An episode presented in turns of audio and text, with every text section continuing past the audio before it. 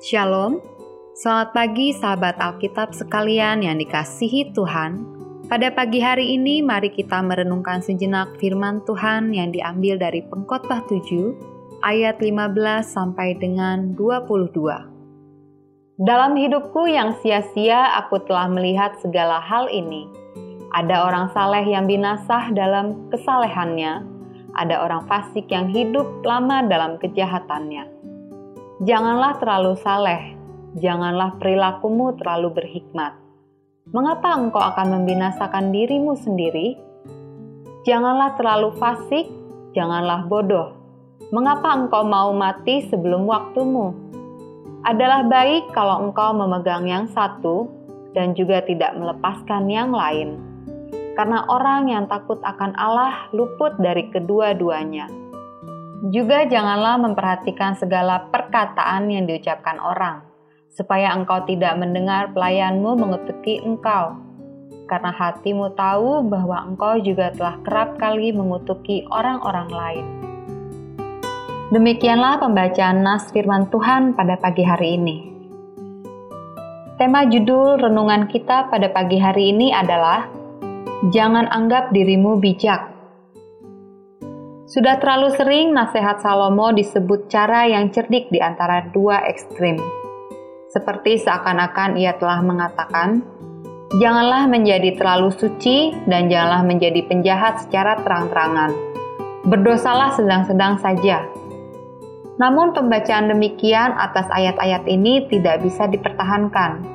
Pekotbah, sebagaimana si penulis menyebut dirinya sendiri, bukan memperingatkan mereka yang baik-baik saja atau yang terlalu saleh atau terlalu teguh dalam iman mereka. Ada bahaya yang sangat berbeda dalam benak si penulis. Bahaya tersebut bukan dari cara bagaimana pria dan wanita dimengerti oleh orang lain, melainkan bagaimana pria dan wanita itu saling mengenal diri mereka sendiri. Bahayanya adalah Masing-masing orang bisa menipu diri sendiri melalui keanekaragaman perilaku agamawi palsu yang tak ada artinya. Dalam realitas, selain keinginan untuk pamer diri dalam perilaku, penyembahan, dan berdalih pelayanan kepada Allah. Petunjuk yang sesungguhnya untuk bagian ini akan dijumpai dalam kata kerja kedua dari ayat 16, yaitu berhikmat. Bentuk ini harus diartikan secara refleksif atau bersifat mencerminkan sesuai dengan bentuk kata kerja dalam bahasa Ibrani, yaitu merasa diri diperlengkapi dengan hikmat. Dengan demikian, masalahnya sama dengan bacaan terkenal dalam Amsal 3 ayat 7 yang berbunyi, Janganlah engkau menganggap dirimu sendiri bijak. Jadi, masalahnya bukan kasus terlalu saleh atau berhikmat. Sebaliknya, ini adalah masalah penipuan diri dan masalah memiliki super ego yang membutuhkan tambahan kerendahan hati dengan dosis tinggi. Jika manusia menjadi terlalu suci, terlalu benar, dan terlalu berhikmat dalam pandangan mereka sendiri, maka mereka menjadi terlalu suci dan terlalu berhikmat bagi orang lain, yang tentu saja bukan dalam kenyataan, melainkan dalam penilaian diri mereka sendiri. Karena ayat 17 mengikuti pola yang sama dengan yang ditata dalam ayat 16, dan karena kedua ayat tersebut merupakan bagian dari pikiran yang sama, maka terjemahan yang diperoleh akan jadi, Janganlah memperbanyak kesalehanmu, dan janganlah memainkan peranan orang bijak dalam pandangan dirimu sendiri. Mengapa harus menghancurkan diri sendiri?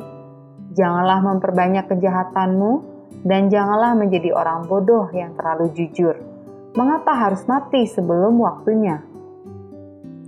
Kenyataannya bahwa penafsiran ini benar bisa diuji melalui perbandingan kontekstual dengan ayat 18. Adalah baik, desak Salomo, bahwa wanita dan pria berpegang pada yang satu, yaitu hikmat sejati yang berasal dari rasa takut akan Allah dan bukan yang berasal dari bualan sendiri daripada yang berpegang pada yang lain, yaitu gagasan orang-orang bodoh. Pada akhirnya, hanya manusia yang takut akan Allah yang akan dibebaskan dari kedua ekstrim ini.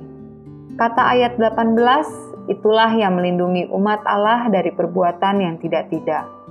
Bukan gagasan manusia, bukan pula kebajikan yang disombongkan akan berfungsi dengan baik sebagai pemandu atau penyamaran untuk menyelubungi hati yang sebenarnya. Hikmat sejati hanya bisa didapatkan kalau manusia takut akan Allah. Namun, tak seorang pun yang pernah akan sanggup berdiri di hadapan Allah yang sedemikian adil dan sucinya berdasarkan sesuatu yang disebut sebagai jalan tengah dari cara yang cerdik, yang berupaya menyeimbangkan dua perbedaan dengan kadar sedang-sedang saja. Penilaian yang terlalu dipaksakan terhadap apa yang Allah sukai adalah sia-sia saja, dan secara rohani tak ada manfaatnya. Kenyataannya, tak ada kemungkinan menyebutkan diri telah terkenal secara moral, sementara masih mempertahankan jalan tengah berdasarkan perilaku sekarang, baik dan kemudian buruk. Jadi, pengkhotbah bukan membicarakan sesuatu yang tidak bermoral. Sebaliknya, ia adalah musuh kesalehan palsu dan juga sebagai penyingkap kesombongan-kesombongan palsu atas hikmat. Demikianlah renungan kita pada hari ini. Salam Alkitab untuk semua.